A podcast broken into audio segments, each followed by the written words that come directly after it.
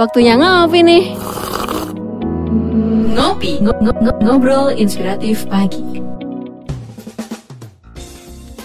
103,8 Prima Radio Surabaya Musik enak seharian Assalamualaikum selamat pagi sahabat Prima Senang sekali saya Menda Herani bisa kembali menyapa Anda di Ngopi Ngobrol Inspiratif Pagi Menu kita hari Rabu, Business and Marketing Hari ini tetap bersama MSU Indonesia Milenial Sejahtera Usaha Sudah bersama kami ada eh, saya panggil Mas aja ya Boleh, boleh. Mas Hans Christian Haryanto, konsultan perilaku dari MSU Indonesia. Halo, selamat pagi. Selamat pagi Mbak Gimana kabarnya? Luar biasa. Luar biasa selalu ya. Hari ini kita akan ngobrolin eh, dalam topik sebentar. Saya ngerepe dulu. Prediksi perubahan perilaku ya konsumen un- pasca COVID-19. Hmm. Jadi yang kita omongin ini nanti ya. Betul, Eh, betul. jadi kita memang sudah harus eh, perlu memprediksi saat ini untuk mempersiapkan ya. betul, Jadi betul. bukan hanya survive di masa pandemi ini tapi juga harus memprediksi ke depannya ya. Betul. Penting juga ini. Baiklah sebelum kita mulai, izinkan saya menyapa dulu ya. eh, apa kabar yang ada di Bali? Teman setia Klik FM. Ada juga sahabat Tapanuli Sibolga Sumatera Utara. Ada siapa lagi? Mas Hans? Ada pendengar C Radio Maros. Ya, apa- Kemudian sahabat Kandis. Ah, apa kabar juga yang ada di Kota Duri, rekan Patra FM, lalu sahabat Tri di Kota Pinang, Dan rekan Rau FM. di Padang Sidempuan. Ya. Baik, semoga semuanya sehat ya bagi Anda yang sedang bersama kami. Kami undang untuk bergabung ya via Facebook Live di Prima Radio Spasi SBY. Anda bisa lihat kami secara live di sana. Dan juga eh, Anda bisa berinteraksi dengan kami via phone ya 0317388500 atau sekedar menyapa via WhatsApp di 0811 30 10 38. Baiklah Mas Hans. Kalau kita ngomongin pandemi ini memang merubah segala tatanan hidup ya. Tidak hanya em, kesehatan masyarakat, juga dalam berbisnis ya Betul, berusaha semuanya. Tapi ternyata lebih jauh lagi kita harus berpikir eh, apa ya antisipatif, ya. Antisipatif benar kita Ah, ah. harus adaptasi dengan perubahan-perubahan yang terjadi. Karena kita tahu bahwa semua itu pasti berubah. Satu-satunya yang tidak berubah adalah perubahan itu sendiri. Dan kok pandemi COVID-19 ini sebagai katalis perubahan tersebut, mempercepat adanya perubahan. Benar. Nah, untuk itu hari ini kita berbicara tentang prediksi-prediksi apa sih tentang perilaku konsumen yang akan terjadi di masa yang akan datang setelah pandemi. Karena mengapa?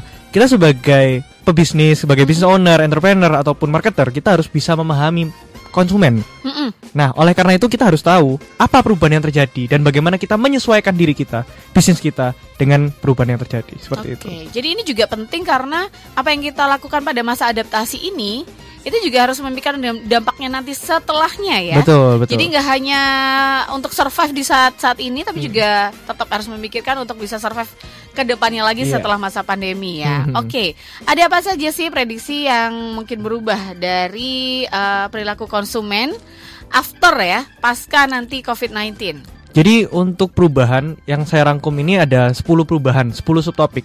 Namun hari ini kita akan membahas tiga saja. Tiga dulu ya. Yang mana nanti untuk part 2 dan part 3-nya nanti minggu depan dan minggu depannya lagi. Karena ternyata ada banyak banget banyak ya. banget, banyak Oke. banget.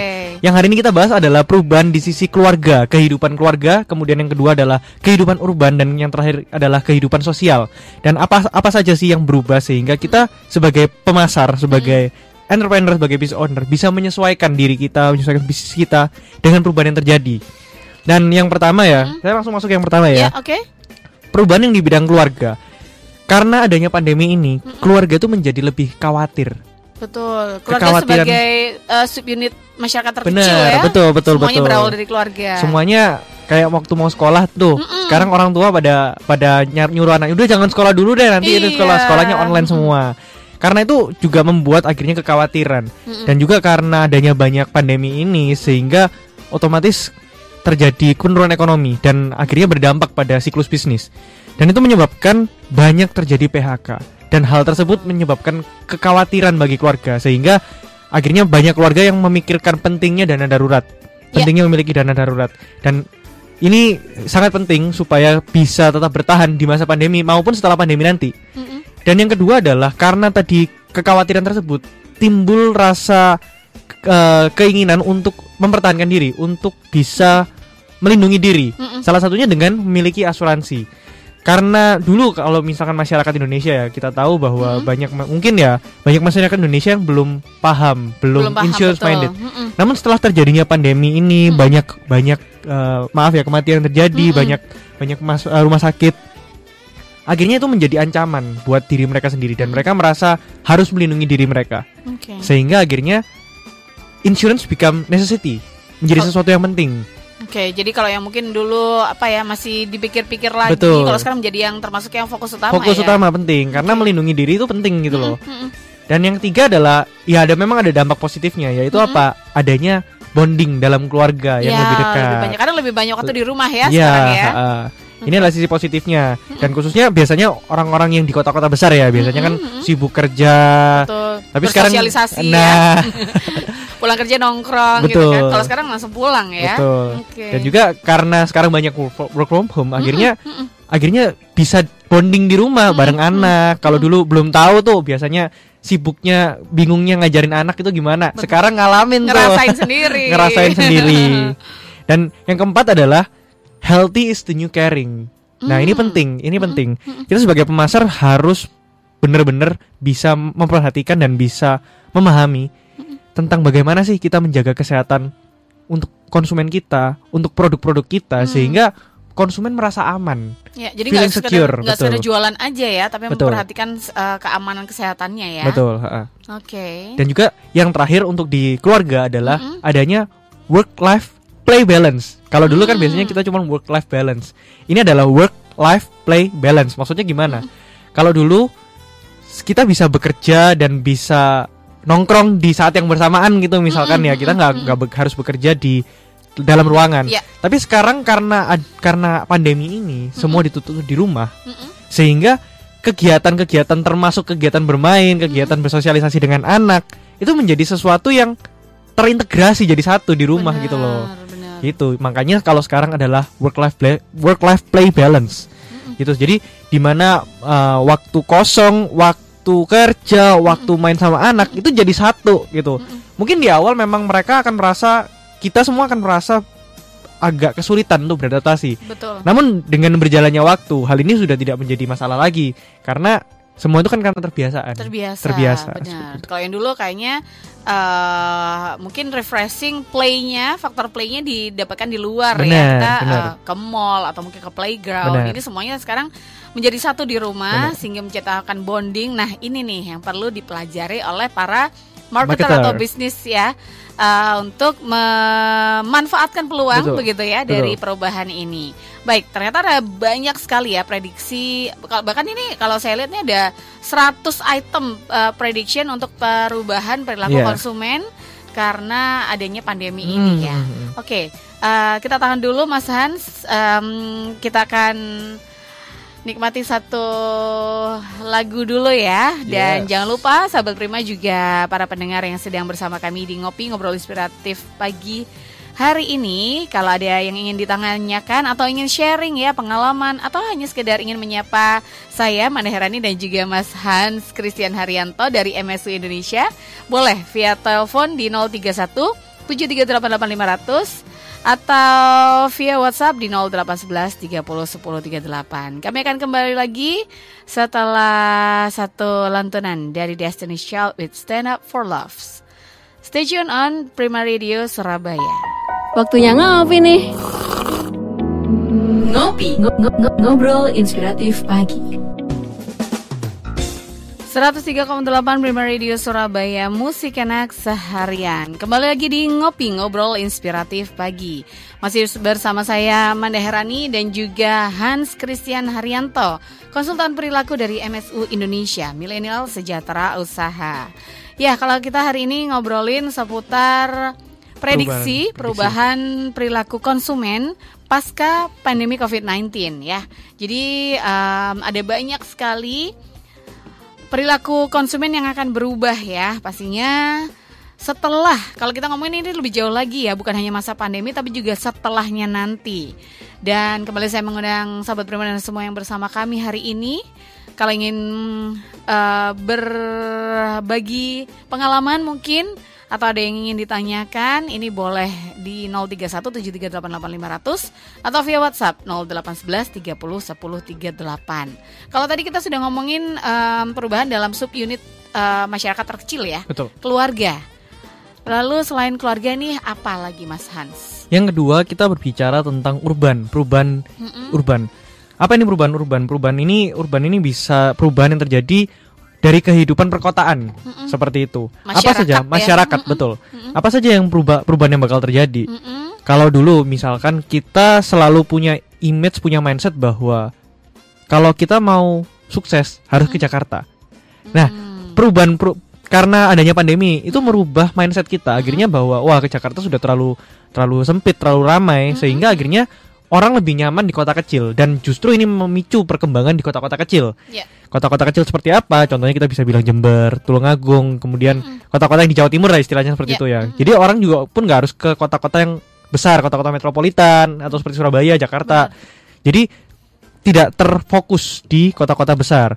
Kemudian juga dan hal ini juga memicu perkembangan di kota-kota kecil di mana akhirnya di kota-kota kecil juga banyak ko- eh, banyak-banyak perubahan-perubahan yang terjadi seperti tumbuhnya ekonomi di kota Nah. kecil.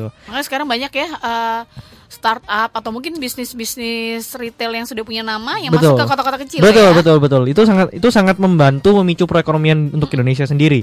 Kemudian yang sudah kita lihat juga fenomena yang terjadi adalah tumbuhnya persepeda, pesepeda dan pejalan kaki. Kalau dulu orang sudah orang males jalan kaki, orang males naik sepeda, tapi karena adanya pandemi ini, karena kebutuhan pertama adalah kebutuhan sosial dan juga kebutuhan untuk Kesehatan. kesehatan, sehingga akhirnya menyebabkan orang itu mau bersepeda lagi mau dan mau berjalan kaki. Benar. Dan hal ini juga menjadi sebuah trigger untuk perekonomian khusus kenapa? Karena juga hal ini menunjukkan ada perubahan dari kesehatan. Di sini orang menjadi konsumsinya lebih, lebih banyak untuk bidang kesehatan, memiliki alokasi konsumsi di bidang kesehatan. Entah dia mau mengkonsumsi minuman kesehatan, makanan kesehatan, bahkan sepeda dan peralatan kesehatan lain lainnya. Dan juga hal ini juga eh, membuat kesehatan masyarakat itu menjadi lebih kuat gitu loh. Oke, ini peluang ya. Peluang juga. Oke. Ini peluang. Dan juga yang kedua, yang ketiga maksud saya adalah mobil pribadi, pemakaian kendaraan pribadi.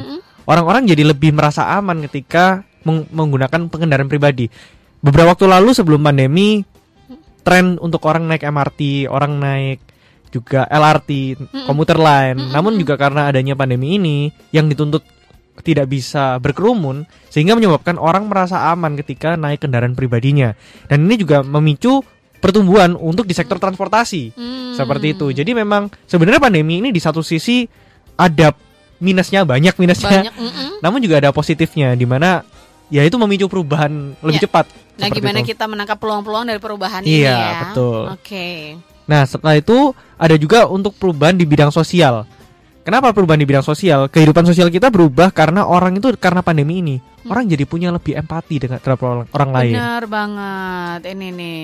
Kita Orang- jadi lebih memperhatikan ya eh, sekitar kita. Sekitar kita. Ha. Ada donasi, akhirnya kan banyak donasi timbul dan ketakutan itu akhirnya bisa dirasakan bersama-sama. Dan hal ini itu juga bisa menjadi trigger, bisa menjadi sebuah kesempatan bagi para marketer, bagi para business owner dan entrepreneur untuk bisa menciptakan ekosistem di mana ada keterlibatan konsumen. Seperti itu. Oke. Selanjutnya, Mas Hans Ya. masih ngomongin seputar kehidupan masyarakat ya. Iya, kehidupan ya? masyarakat. Tadi kalau tadi kita sudah berarti sudah dua ya berarti. Tadi. Mm-mm. Dan eh, yang pertama adalah family, kemudian juga yang kedua adalah urban, yang ketiga adalah sosial. Dan karena tadi adanya adanya empati terhadap orang lain sehingga akhirnya menyebabkan ada dampak negatifnya juga. Karena ada pandemi ini, orang itu menjadi lebih kurang percaya sama orang lain. Jadi orang menjaga jarak sama orang lain. Trust society ini disebut sebagai trust society, low trust society. Dan COVID krisis COVID-19 ini juga turut membuat kecurigaan antar wa- warga itu meningkat di masyarakat. Ada beberapa penolakan kita bisa lihat penolakan kasus jenazah positif COVID-19 atau pengusiran tenaga kesehatan karena takut tertular. Dan ini menciptakan adanya batasan yang bisa terjadi di masyarakat. Dan sebagai marketer, sebagai entrepreneur dan business owner, kita harus bisa menyikapi bagaimana untuk Memberi- mengatasi hal ini gitu loh. memberi kenyamanan, keamanan, Betul, ya, perasaan secure ya Ha, kepada perasaan secure. konsumen ya. Mm-mm. Oke. Eh, sebentar, ada yang masuk nih, Mas Hans Oke. dari Nanda di Bali. Halo Bali, wah senang sekali nih mendengar kabar dari Bali. Sudah kangen ya ke Bali Kangen ya. ke Bali kan liburan. Eh, bagaimana dengan market eh, masyarakat ekonomi menengah ke bawah? Karena kesulitan ekonomi saat ini membatasi perilaku konsumsi mereka. Oke. Nah, ini juga berhubungan ya dengan eh, ini mulai keluarga juga terpengaruh Benar, ya betul, karena betul. eh, pola konsumsi masyarakat juga berubah dengan keterbatasan ekonomi saat Betul, ini ya. betul, betul. Nih, bagaimana nih? Untuk eh, kalau mungkin ini eh, Pak Nanda ini punya usaha yang Mm-mm. target marketnya mungkin ekonomi menengah ke bawah mungkin. Oke. Jadi s- biar bagaimanapun dalam segala situasi memang kita dituntut untuk bisa beradaptasi. Dan karena adanya pandemi ini menuntut kita untuk semakin lebih cepat beradaptasi. Kita dituntut lebih kreatif. Nah, bagaimana solusinya untuk ekonomi menengah ke bawah? Untuk ekonomi menengah ke bawah, kita juga harus melihat bagaimana kita bisa mencari celah untuk kita bisa memasuki pasar yang lain. Untuk kita bisa juga memasuki pasar yang masih bisa, masih ada gitu loh. Beberapa beberapa rekan-rekan kami ada yang memang bisnis eh, usahanya adalah usaha awalnya usaha di bidang branding. Kemudian karena adanya pandemi ini, otomatis orang menjadi eh, perusahaan korporat menjadi menahan uang untuk untuk mengeluarkan uang untuk biaya marketing mereka. Mm-mm. Sehingga akhirnya mereka mencari celah, mencari opportunity lain di bidang logistik akhirnya. Mm. Karena orang merasa eh, lo penting untuk tidak meng- eh, tidak memegang barang langsung, Ya. juga kebutuhan antar demand akan pengiriman Mm-mm. antar kota. Lagi Akhirnya- banget ya. Betul. Akhirnya rekan kami membuat startup di bidang logistik. Nah, hal ini kita harus sikapi di mana kita tidak terpaku sama apa yang sedang kita kerjakan sekarang, tapi kita fokus dengan apa yang bisa kita lakukan untuk menghasilkan uang seperti itu. Jadi tidak terpaku pada target market yang sudah kita punya aja. betul, betul. gitu Jadi ya. memang kita tuntut untuk kreatif, untuk Mm-mm, terus mau berubah, untuk terus mau belajar, Mm-mm. dan tuh mau terus mau mencari celah. Kira-kira apa yang bisa kita lakukan? Nah ini banyak sekali juga perusahaan yang banting setir Betul, ya, betul, putar betul. haluan Betul, ya. betul.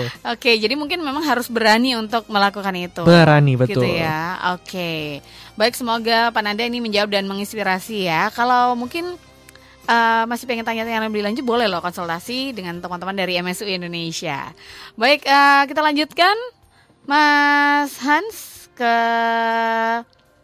masih di kehidupan Oke, perkotaan. kehidupan perkotaan.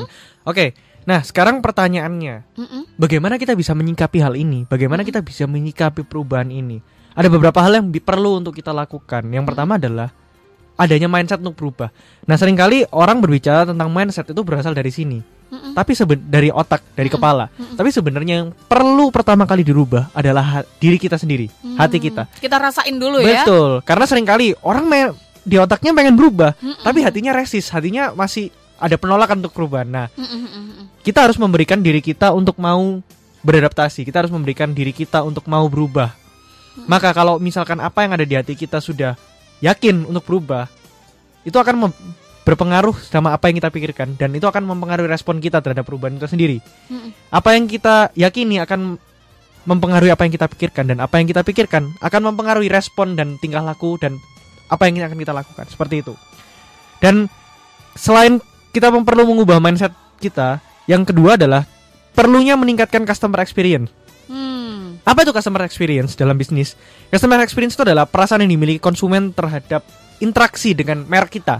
Contoh, kalau misalkan beberapa waktu lalu saya pergi ke sebuah barbershop yang menurut saya cukup oke dengan harga yang tidak terlalu mahal, apa yang ditawarkan itu lebih. Bukan Mereka- hanya potong rambut Bukan ya. hanya potong rambut, Mm-mm. mereka juga menawarkan kopi dan teh. Hmm. Mereka menawarkan hal lain yang simple, di mana customer experience itu berfokus dengan apa yang menjadi needs dan wants-nya customer. Mm-mm. Nah itu kita mesti cari apa sih yang menjadi kebutuhan dan keinginan konsumen sehingga apa? Sehingga konsumen itu memiliki keterlibatan dengan merek, memiliki rasa sentimental dengan merek yang merek kita. Mm-mm. Contoh beberapa contoh lain, kalau misalnya kita bisa lihat mengapa sih perusahaan teknologi itu bisa tetap bertahan di masa pandemi seperti ini? Mm-mm. Kita bisa lihat Netflix, YouTube, Mm-mm. kemudian Instagram. Kenapa mereka masih bisa bertahan? Karena mereka fokus pada customer experience Mm-mm. di mana mereka benar-benar memanjakan konsumen yang menggunakan aplikasi mereka. Betul. Di mana kalau misalnya kita habis nonton video, ada rekomendasi yang ternyata sesuai dengan apa yang kita butuhkan. Betul. Nah, pertanyaannya, bagaimana kita bisa mengetahui terkait dengan customer experience, apa yang dibutuhkan dan apa yang diinginkan oleh konsumen pelanggan? Kita perlu memiliki data. Data itu sangat penting di era disrupsi seperti ini, di era teknologi seperti ini. Dengan data membantu kita dalam mengambil keputusan. Seperti itu. Mungkin sampai di sini dulu nanti. Oke, Kita nanti kita lanjutkan lagi ya. Kita ke commercial break dulu, tapi sebelum kita masuk ke commercial break, saya mau memutarkan dulu satu lagu eh, sebagai ucapan terima kasih saya untuk Mas Hans nih yang sudah berbagi ilmu bersama kita katanya suka juga lagu-lagu oldies.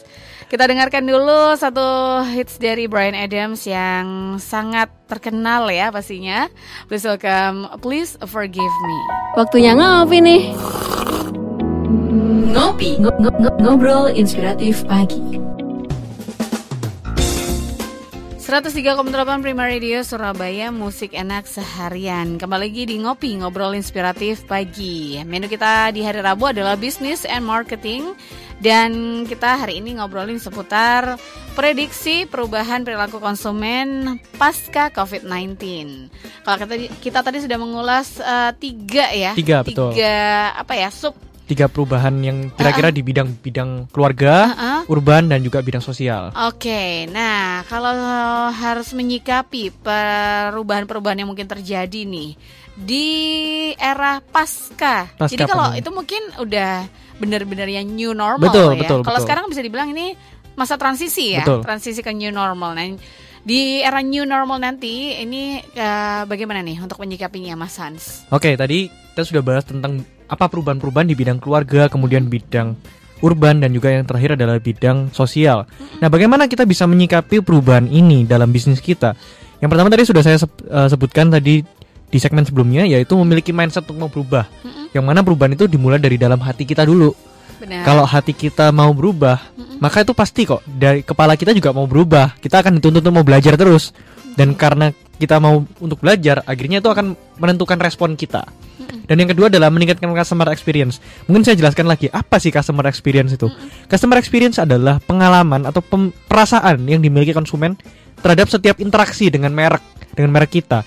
Di mana customer experience ini sangat penting dalam bisnis di era sekarang. Di mana kita tuh bisa memahami, bisa anggapannya konsumen tuh sebagai pacar kita gitu loh, sebagai teman kita. Jadi kita Hmm. kita tahu apa yang dia butuhkan, apa yang dia suka. Dia sukanya apa sih gitu benar, ya? benar. Harus eh, dirasain, Dirasain juga dulu, ya. dirasain juga gitu. Jadi kalau dulu kan konsumen adalah raja. Mm-mm. Enggak, kalau sekarang adalah konsumen adalah teman. Hmm. Kalau misalnya kita tahu bahwa konsumen adalah teman kita, kita tahu bagaimana kita bisa memiliki ikatan sama mereka, gimana kita bisa memiliki perasaan yang dalam, keterlibatan mereka terhadap merek kita, seperti itu. Dan- kayak lagi PDKT sama lawan jenis gitu iya, ya. sama cewek kalau Hmm. Pasti kita pengen nyenengin. Iya, gitu pengen nyenengin kan Heeh. kayak gitu. Jadi Oke. gimana sih untuk kita bisa memahami mem- memahami customer experience yang cocok untuk bisnis kita. Sebelumnya kita harus bedakan dulu, kita harus memahami dulu apa sih bedanya customer experience sama customer service. Nah, ini sering kali terbalik. Kalau customer service itu sebagai sebatas interaksi yang dimiliki oleh pelanggan ketika mencari saran atau layanan yang terkait dengan servisnya mereka. Jadi misalkan ada komplain tuh. Nah, itu larinya ke customer service. Sedangkan customer experience itu di mana secara keseluruhan termasuk customer service tersebut adalah customer experience. Apa aja? Mulai dari pelayanannya, produknya, kemudian teknologinya, kemudian desain. Hmm. Di era sekarang, di era teknologi ini desain sangat penting. penting visualnya dulu Visual ya. penting. Ibaratnya dari mata turun ke hati ya. Benar. Sama kan kalau kita lihat lihat cowok atau lihat lawan jenis gitu. Wah, menarik. Kita pasti sudah pengen pengen tahu apa siapa ya orangnya, Hmm, seperti pengen apa tahu orangnya. banyak ya. Benar. Oke. Nah, penting dalam mengelola customer experience ini kita mesti punya data. Data apa? Data pelanggan kita, data feedback dari pelanggan kita, kemudian data pembelian siklus pembaya- pembelian dari pelanggan kita tuh seperti apa. Jadi perilaku ya, perilaku- konsumen kita ya. perilaku konsumen kita tuh sangat penting untuk kita memiliki datanya sehingga kita bisa menentukan keputusan-keputusan apa yang cocok untuk bisa kita lakukan dalam bisnis kita untuk membuat sebuah customer experience. Beberapa contoh lagi yang baru-baru ini ya yang saya lihat di sosial media ada all you can eat dibawa ke rumah. Ya, nah itu kan ya. menawarkan Mm-mm. menawarkan service yang baru, menawarkan experience yang baru, pengalaman yang baru. Dan ini juga membuat pelanggan itu merasaran dan pelanggan juga Benar. merasa nyaman. Pertama, mereka dapat safety-nya karena mereka Nggak tidak berkerumun. ya, nggak berani makan all Betul. you can eat di luar ya. Tapi di satu sisi mereka pengen makan all you can eat. Bener, Nah, heeh. udah kangen banget gitu kan Iya. itu yang diambil ya diambil peluangnya. betul. Mm-mm. Akhirnya ada all you can eat yang bawa ke rumah. Mm-mm. Kemudian juga beberapa eh, rekan kami ada yang memiliki bisnis sushi di mana mereka menawarkan cara memakan sushi yang baru, yang gitu. baru seperti Oh, itu. Seperti apa tuh?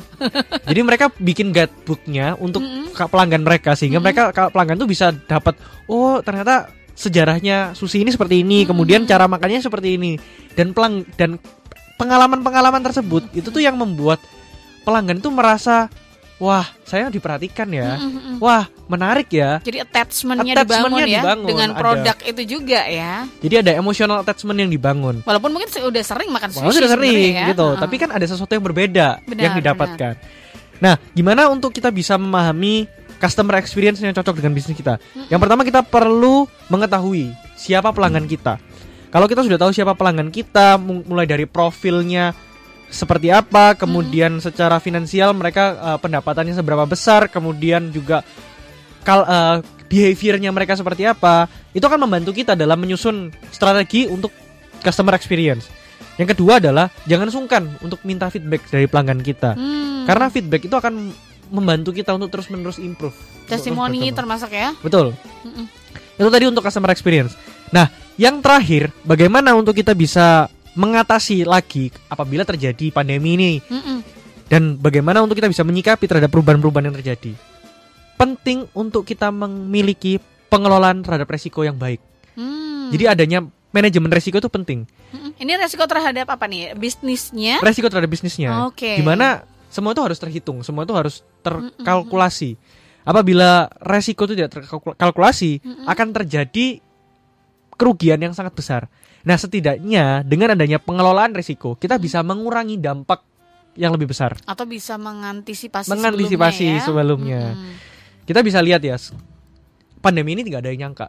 Benar. Pandemi mendadak sekali mendadak ya. sekali. Mm-mm.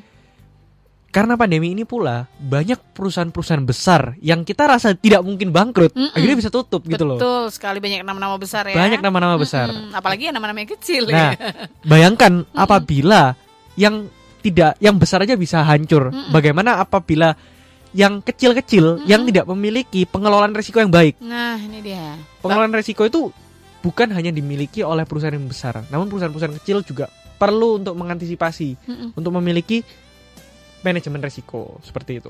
Oke, jadi perusahaan yang besar aja sud- mungkin sudah memiliki manajemen resiko, tapi saat Masih- resiko itu datang pun mungkin tidak bisa terhindarkan lagi ya. Betul, betul, betul. Oke. Nah, eh, ini nih pentingnya kita harus eh, mempelajari, Mempelajari, ya, mempelajari. mempelajari Terkait- manajemen resiko ini terkait juga pastinya perubahan perilaku Benar, konsumen. Benar.